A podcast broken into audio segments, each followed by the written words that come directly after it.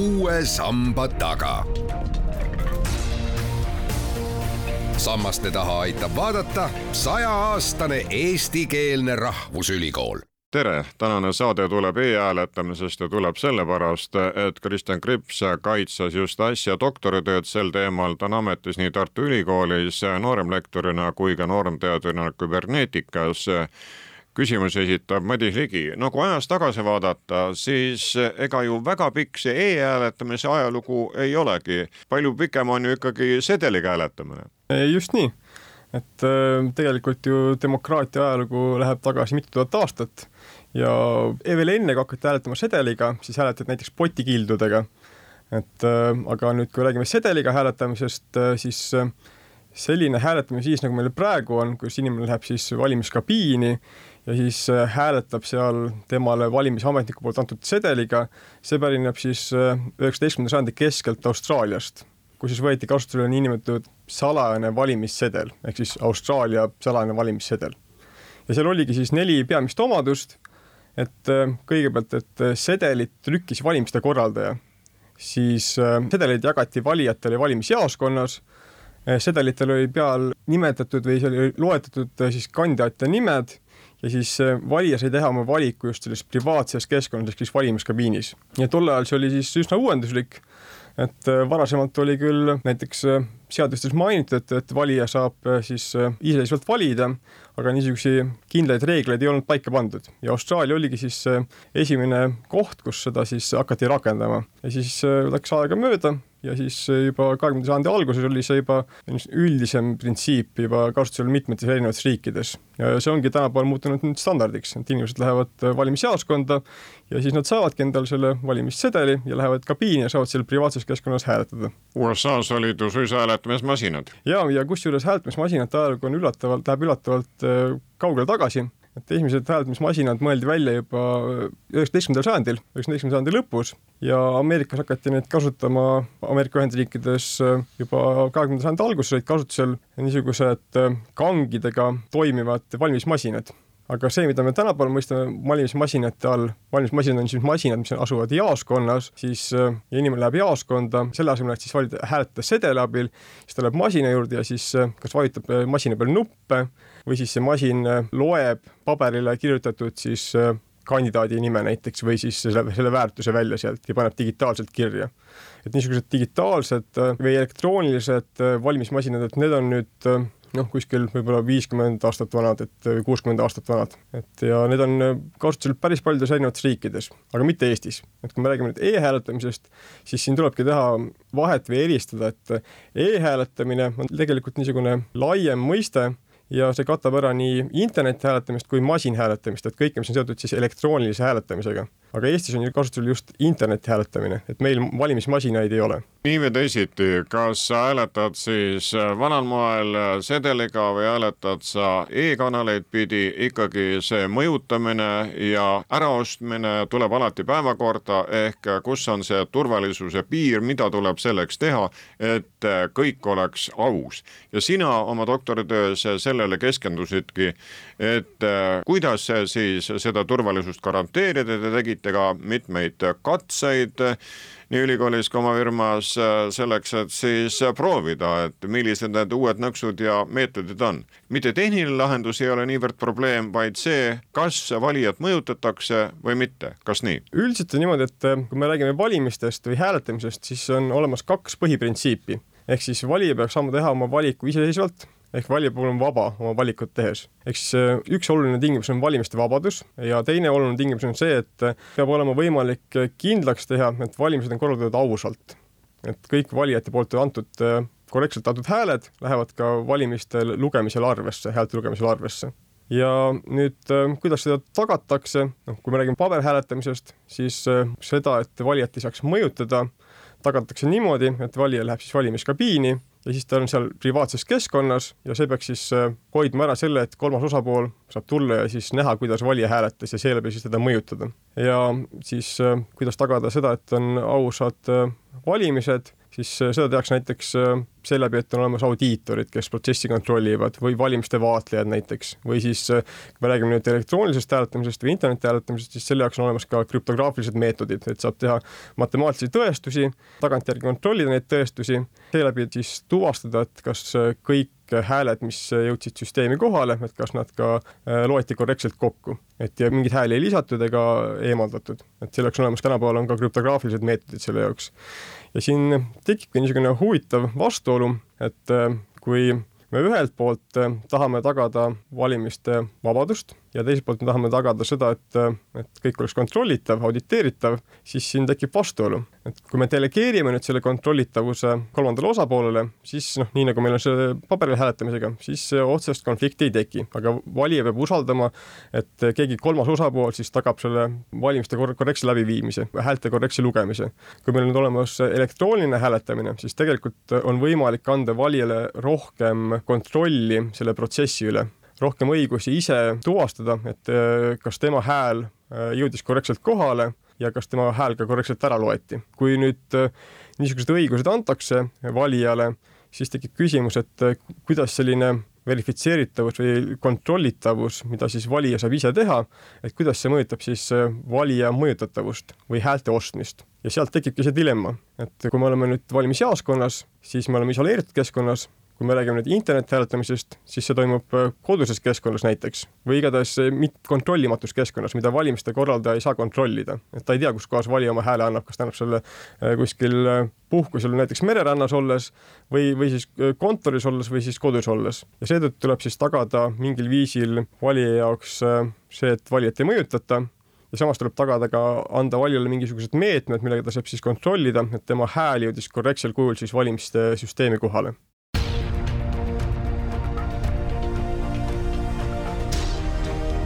uue samba taga.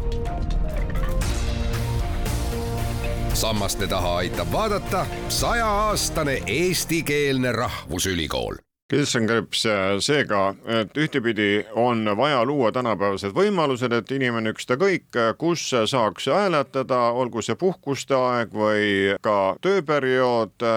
ning tal peab olema siis võimalust või tal võib olla see võimalus, et ta saab kontrollida, mis kanalit pidi see hääl ikkagi jõudis ja kas see loeti korralikult ära. jah, et äh, kontrollitavus on äh, tänapäeval väga oluline just äh, kaughääletamise puhul. kui me nüüd võrdleme näiteks äh, posti teel hääletamist ja interneti hääletamist, siis äh, posti teel hääletamine on ka kaughääletamine, kus inimene saab siis hääletada kodust või kuskilt mujalt ja sellisel juhul ei ole inimesel väga suurt kontrolli selle üle, et kuidas tema häält siis töödeldakse, kui ta on selle juba ära saatnud posti teel ja tal pole ka tegelikult tugevaid meetmeid siis selle mõjutamise vältimiseks. kui me räägime nüüd interneti hääletamisest, siis internetihääletussüsteemidel, neid on tegelikult üle maailma hästi palju erinevaid, nendel on siis olemas erinevad siis äh, viisid, kuidas nad siis aitavad äh, valijat äh, seeläbi, et pakuvad valijale siis võimalusi sellest, seda mõjutamistegevust siis kas välistada või siis mõjutajat viia eksiarvamusele, et või mõjutaja ei saa teada siis, kuidas valija selle hääle andis. ma toon siin nüüd paar näidet et äh, kui me räägime teooriast, et mis, mida on siis äh, kirjeldatud teaduskirjanduses, siis äh, üks levinud meetod on see, et valijale antakse siis libaparoolid näiteks, et valija saab siis hääletada, selleks on tal vaja sisestada siis paroolid ja siis valijal on olemas nüüd terve hulk paroole, osad neist on siis niisugused, millega siis saab hääletada saab anda siis selle korrektse hääle ja osad on siis libaparoolid. ja siis, kui tuleb näiteks inimene sind mõjutama, kas siis see on pereliige või siis keegi kolmas osapool või keegi tahab häält osta, siis saab hääletada selle libaparooliga ja see hääl ei lähe arvesse. Eestis on meil lihtsam süsteem kasutusel, et Eesti interneti hääletamissüsteemi puhul inimene saab korduvhääletada ehk siis üle hääletada, ehk siis kui keegi tuleb häält ostma või siis eh, keegi sunnib hääletama mingil kindlal viisil, seisab näiteks selja taga samal ajal, kui hääl antakse, siis on võimalik hiljem minna ja anda uus hääl ja see uus hääl siis kirjutab eelmise hääle üle. ja lisaks on näiteks Eesti internethääletussüsteemis olemas veel võimalus, et eh, kui inimene tahab, siis ta saab minna jaoskonda ja anda seal paberhääle ja see paberhääl on nüüd ülimuslik internetihääle suhtes. et kui inimene on interneti teel hääletanud ja ta on tundnud, et teda mõjutatakse mingil viisil, siis ta saab minna jaoskonda, hääletada paberil, nüüd alates äh, eelmisest aastast on see võimalik ka valimispäeval ja siis paberhääl on ülimuslik ja see kirjutab selle internetihääle üle. siiani Eestis interneti hääletamine töötab arvutis, lauaarvutis või sülearvutis toimiva valimisrakenduse abil. ehk siis siiani pole meil olnud võimalik nutitelefonist häält anda. mõnes muus riigis on see olnud võimalik, näiteks Ameerika Ühendriikides on mõnes osariigis katsetatud niisugusi nutitelefonil toimivaid hääletamissüsteeme. turvalisus sõltub alati sellest, et missugune süsteem on, missugused on äh, turvanõuded, millele süsteem peab vastama ja missugused on ka need ohud. et äh, kui me räägime nüüd äh, laias laastus, et kuidas üldse on võimalik siis seda valimisrakendust ehitada, siis selleks on kaks võimalust. et võtame kas siis veebilehitseja, siis meil on olemas näiteks Firefox või Google Chrome või, või Safari näiteks ja siis äh, oleks võimalik äh, hääletada läbi veebilehe, mis sisaldaks siis seda interaktiivset äh, valimisrakendust ja teine variant on siis äh, nutitelefoni puhul tõmmata alla siis valimisrakendust äh, siis äh, ametlikust rakenduste poest. Et nii nagu meil Apple'il on siis Apple'i oma App Store ja Google'il on oma siis Google'i Play Store, kus kaudu saab siis nutitelefoni rakendusi alla, alla laadida. ja nüüd, kui me võrdleme neid kahte lahendust või kahte võimalust, et seda ma tegin ka oma doktoritöös või doktoritöö raames, siis äh, veebilehitseja põhine valimisrakendus äh, oleks äh, nüüd, kui võrrelda just või kaaluda neid turvalisusega seotud aspekte, siis veebilehitseja põhine valimisrakendus oleks nõrgem, kuna meil on näiteks olemas risk, et keegi teeb liba veebilehe, võltsveebilehe koos võltsvalimisrakendusega ja siis meelitab näiteks valijaid kasutama võltsveebilehti, võltsvalimisrakendust. et neid õngitsusründeid on ju meil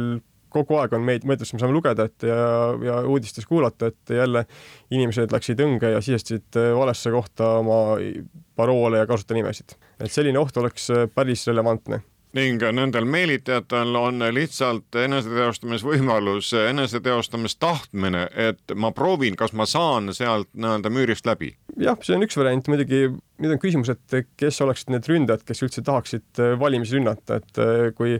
enamasti, kui me räägime siis äh, küberrünnakutest, siis enamasti on ründajateks äh, küberkurjategijad, kelle eesmärk on siis äh, teenida raha. et valimiste ründamise puhul neil tõenäoliselt seda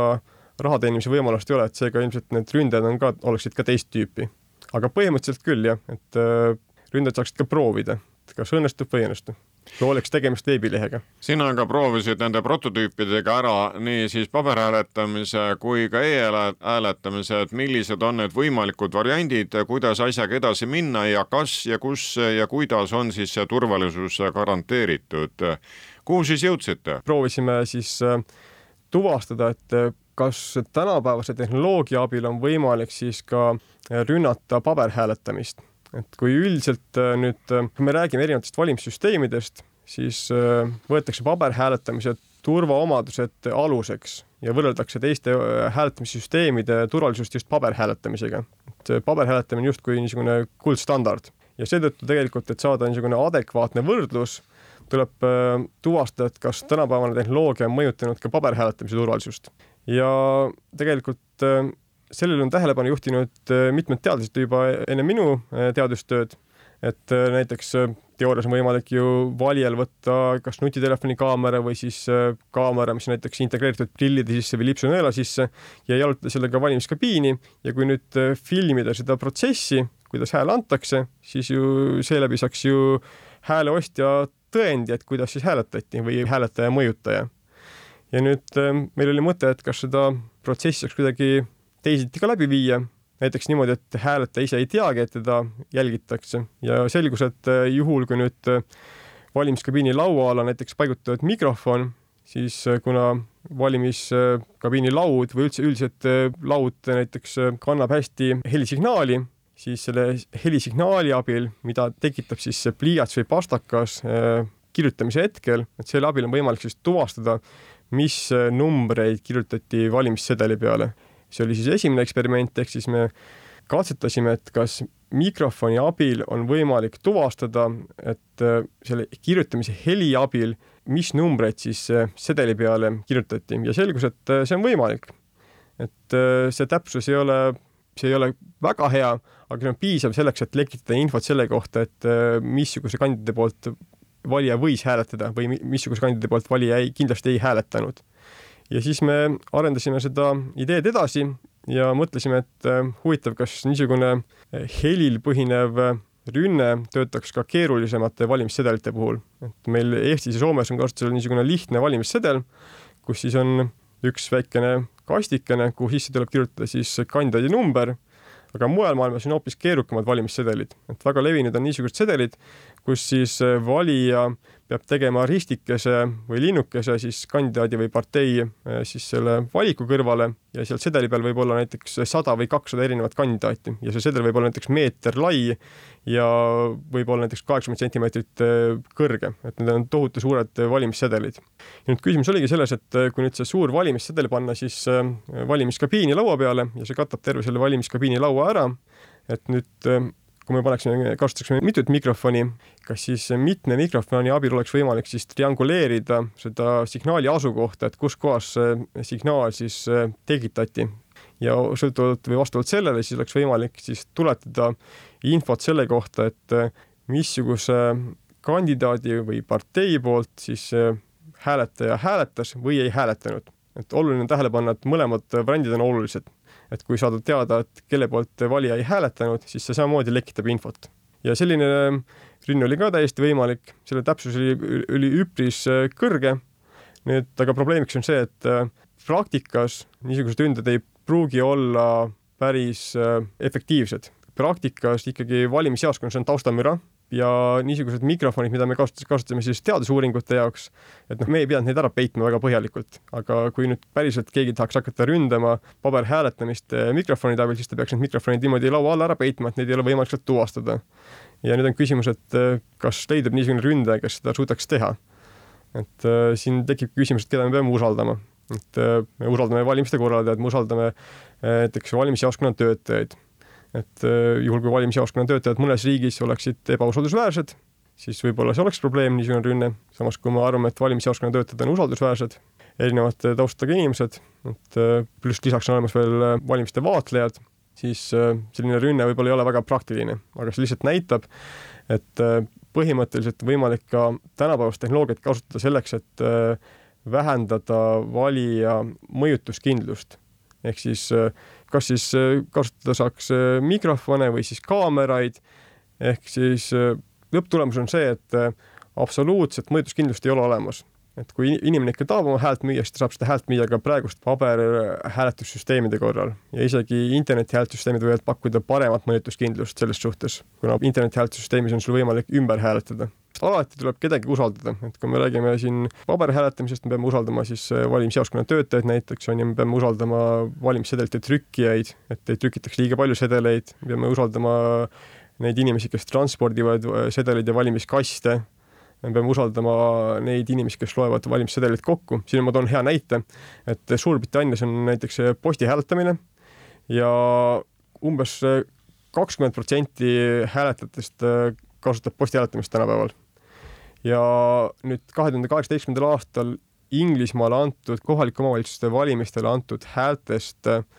kaks koma seitse protsenti postihäältest läks tühistamisele. just seetõttu, et valijad ei osanud äh, neid äh, sedeleid tõenäoliselt õigesti täita. ja nüüd küsimus ongi selles, et kes seda hindab, et et kas valija täitis sedeli õigesti või valesti, et seda hindab ju see häälte lugeja ja siin tulebki niisugune subjektiivne aspekt juurde, mida siis äh, elektroonilise hääletamise puhul ei ole e-hääletamine, nagu meie Eesti praktika näitab, on järjest populaarsem ning IT-inimesed tegutsevad ka selle nimel, et see oleks ka kasvavate ohtude puhul ikkagi võimalikult turvaline. jah, just, et äh, käib pidev teadus-arendustegevus, et äh, uurida, kuidas saaks seda süsteemi muuta veel turvalisemaks seda rida ajab ka tänane saatekülaline, värske doktor Kristjan Krips, kes ametis nii Tartu Ülikoolis kui ka aktsiaseltsis Küberneetika. usutleja oli Madis Ligi.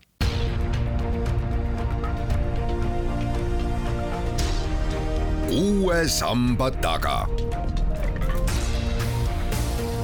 sammaste taha aitab vaadata sajaaastane eestikeelne rahvusülikool